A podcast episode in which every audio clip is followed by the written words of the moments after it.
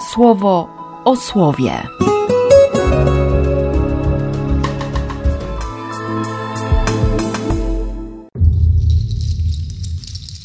4 października, poniedziałek.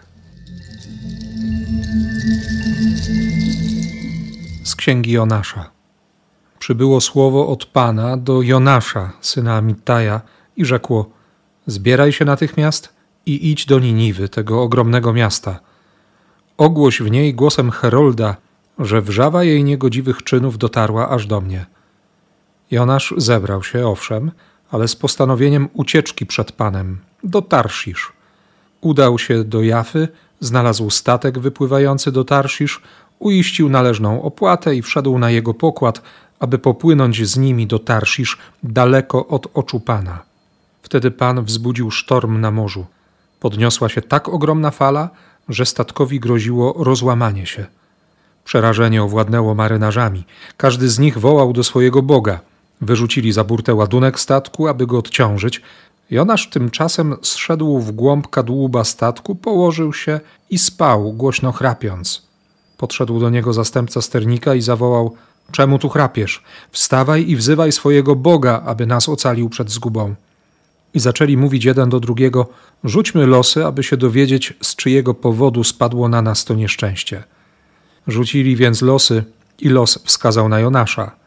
Zapytali go: Powiedz nam, z jakiego powodu spadło na nas to nieszczęście? Czym ty się zajmujesz? Skąd pochodzisz? Z jakiego jesteś kraju i z jakiego ludu? Odpowiedział im: Jestem sługą Pana, czczę Pana, Boga nieba, który stworzył morze i suchy ląd. Wtedy wielki strach przejął tych ludzi. Pytali go: Co ty takiego zrobiłeś?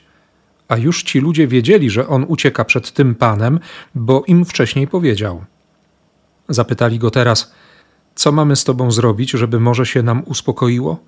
Morze bowiem napierało, podnosząc coraz wyżej fale. Jonasz im odrzekł: Weźcie mnie i wyrzućcie za burtę, a morze się wam uspokoi. Wiem bowiem, że ta ogromna fala naciera na was z mojego powodu.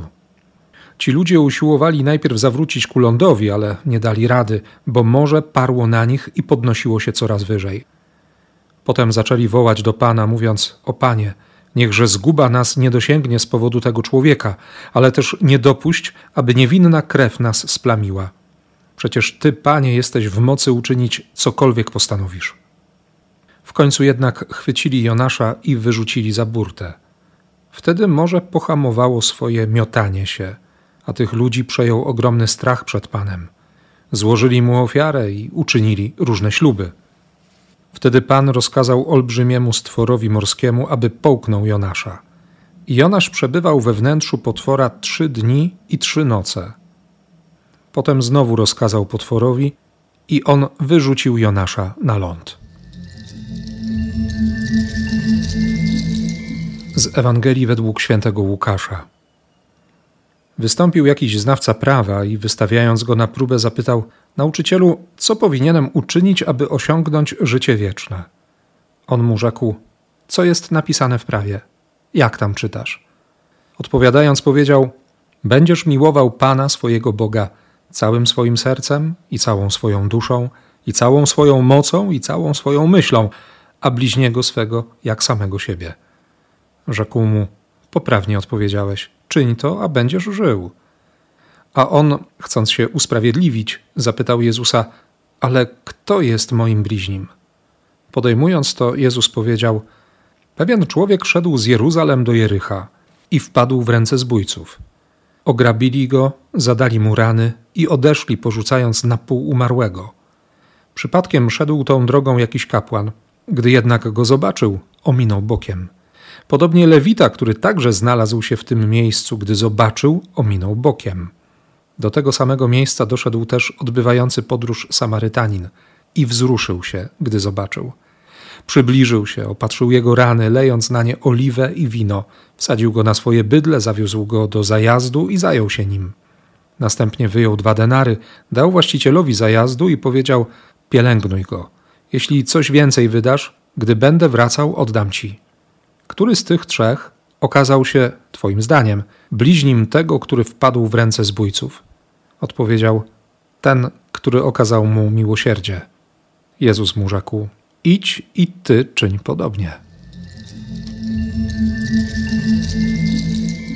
Spoglądam na te czytania od samego rana i widzę jeszcze świętego Franciszka, który, który biega i krzyczy z przekonaniem, z tą wewnętrzną żarliwością: Miłość nie jest kochana. Kiedy kilka dni temu siedziałem nad Ewangelią, miałem w sobie to przekonanie, że, że chodzi o słowo, chodzi o moje traktowanie Biblii. I patrząc dzisiaj na Jonasza, właściwie widząc siebie w lustrze Jonasza, mam dokładnie te same myśli. On wie, jakie jest słowo Pana, on wie, kiedy Bóg mówi. On rozpoznał. Przybyłe do niego słowo od Pana, któremu powiedziało: Zbieraj się natychmiast i idź do Niniwy. I pięknie tekst przekładu Biblii pierwszego kościoła mówi: Jonasz zebrał się, owszem, ale z postanowieniem ucieczki przed Panem. I to jeszcze w okolice klejnotów, pereł, bogactwa. Tarszisz, perełka to jest coś, na co Jonasz zasługuje.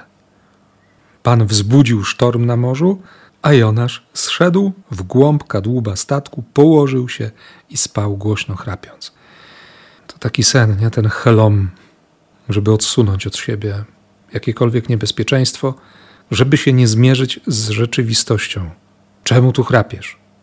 Dziękuję Bogu za Kościół, który mnie budzi, który mi zwraca uwagę, że coś jest nie tak, który mi zwraca uwagę, co we mnie jest nie tak. No i rozwiązanie. Rozwiązanie tragicznej sytuacji podbramkowej, beznadziejnej. Wyrzućcie za burtę. W Jonaszu musi umrzeć ta jego prawda, nie? Syn Amittaja, czyli ma swoją prawdę. Musi w nim to umrzeć, żeby się objawiło życie dla tamtej wspólnoty. To jest bardzo mocne słowo w kontekście ostatnich wydarzeń. Dla mnie, jako księdza, żeby było życie we wspólnocie, musi umrzeć we mnie to, co jest moim spojrzeniem, moją interpretacją, moim zdaniem, moim osądem, często sądem, moją opinią.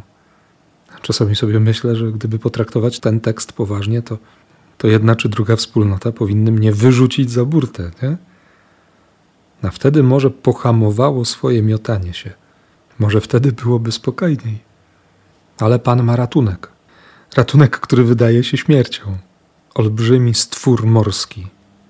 Jonasz został połknięty i jest jak w grobie. I mówią te midrasze, że, nie, że z jednej strony nagle Jonasz zobaczył perłę. Nie? Otworzył jakiegoś małża i zobaczył perłę. Bóg mu przypomniał, że, że ten Tarszisz jest na wyciągnięcie ręki, wtedy kiedy przyjmie się punkt widzenia Boga. A z drugiej strony w Jonaszu jednak jeszcze była taka pycha, że, że ten stwór morski nie dał rady i, i go wypluł, zwymiotował Jonaszem. Ale miłosiernie autor księgi zaznaczy w jedenastym wersecie drugiego rozdziału, że Pan znowu rozkazał potworowi i on wyrzucił Jonasza na ląd. Sporo rzeczy musi we mnie umrzeć, żeby wspólnota miała życie. Nie? Bo to, to też może być tak, że ktoś nie ma życia, ktoś leży na wpół umarły, ograbiony, poraniony. A ja przejdę i ominę bokiem, bo mam swoją prawdę. Gdzie tu miłość? żeby się przypadkiem nie skalać. Z Jericha wędrowali, z tego miasta palm, pełnego grzechu zresztą też. I kapłan, i lewita, żeby się nie zmierzyć ze śmiercią, ze swoją śmiercią, ze swoim poranieniem, żeby nie zobaczyć, że czasami w duszy jestem na pół umarły. Dziękuję Bogu za Kościół, który mi to pokazuje, za siostry i za braci i idzie Samarytanin. Czyż nie mówimy prawdy, nazywając cię Samarytaninem? Będą robili taki wyrzut? Nie, to, to będzie obelga wobec Jezusa. Wzruszył się, nie? wszystko mu się wewnątrz wywróciło. Opatrzył rany, zawiózł do zajazdu, do tego Pandochejon, do kościoła. Pielęgnuj go. Masz tutaj dwa denary. Masz miłosierdzie i Eucharystię pielęgnuj. Jeśli będziesz stratny, wydasz coś więcej, to ja ci oddam. Dam ci więcej. Ale pomyślałem sobie, i to pewnie usłyszeli widzowie domu Józefa w tym dzisiejszym moim komentarzu, że tym pobitym człowiekiem, poranionym, odrzuconym gdzieś tam na uboczu, może być słowo, może być Jezus. On, Biblia. Biblia, która się domaga miłości, Jezus, który chce miłości. Miłość nie jest kochana i mogę ominąć. Jako ksiądz mogę ominąć. Mam nadzieję, że Ty tego nie robisz. Nie omijaj. Niech się dzisiaj Franciszek ucieszy, że, że to nie jest tak, że miłość nie jest kochana, że naprawdę jesteśmy inni, że nie boimy się zabić w sobie tego, co nam przeszkadza kochać. Ten, który okazał mu miłosierdzie, który go na nowo urodził, którego poruszenie wnętrzności było życiodajne. Idź i ty czyń podobnie. Niech tak będzie. W imię Ojca i Syna i Ducha Świętego. Amen. Słowo o słowie.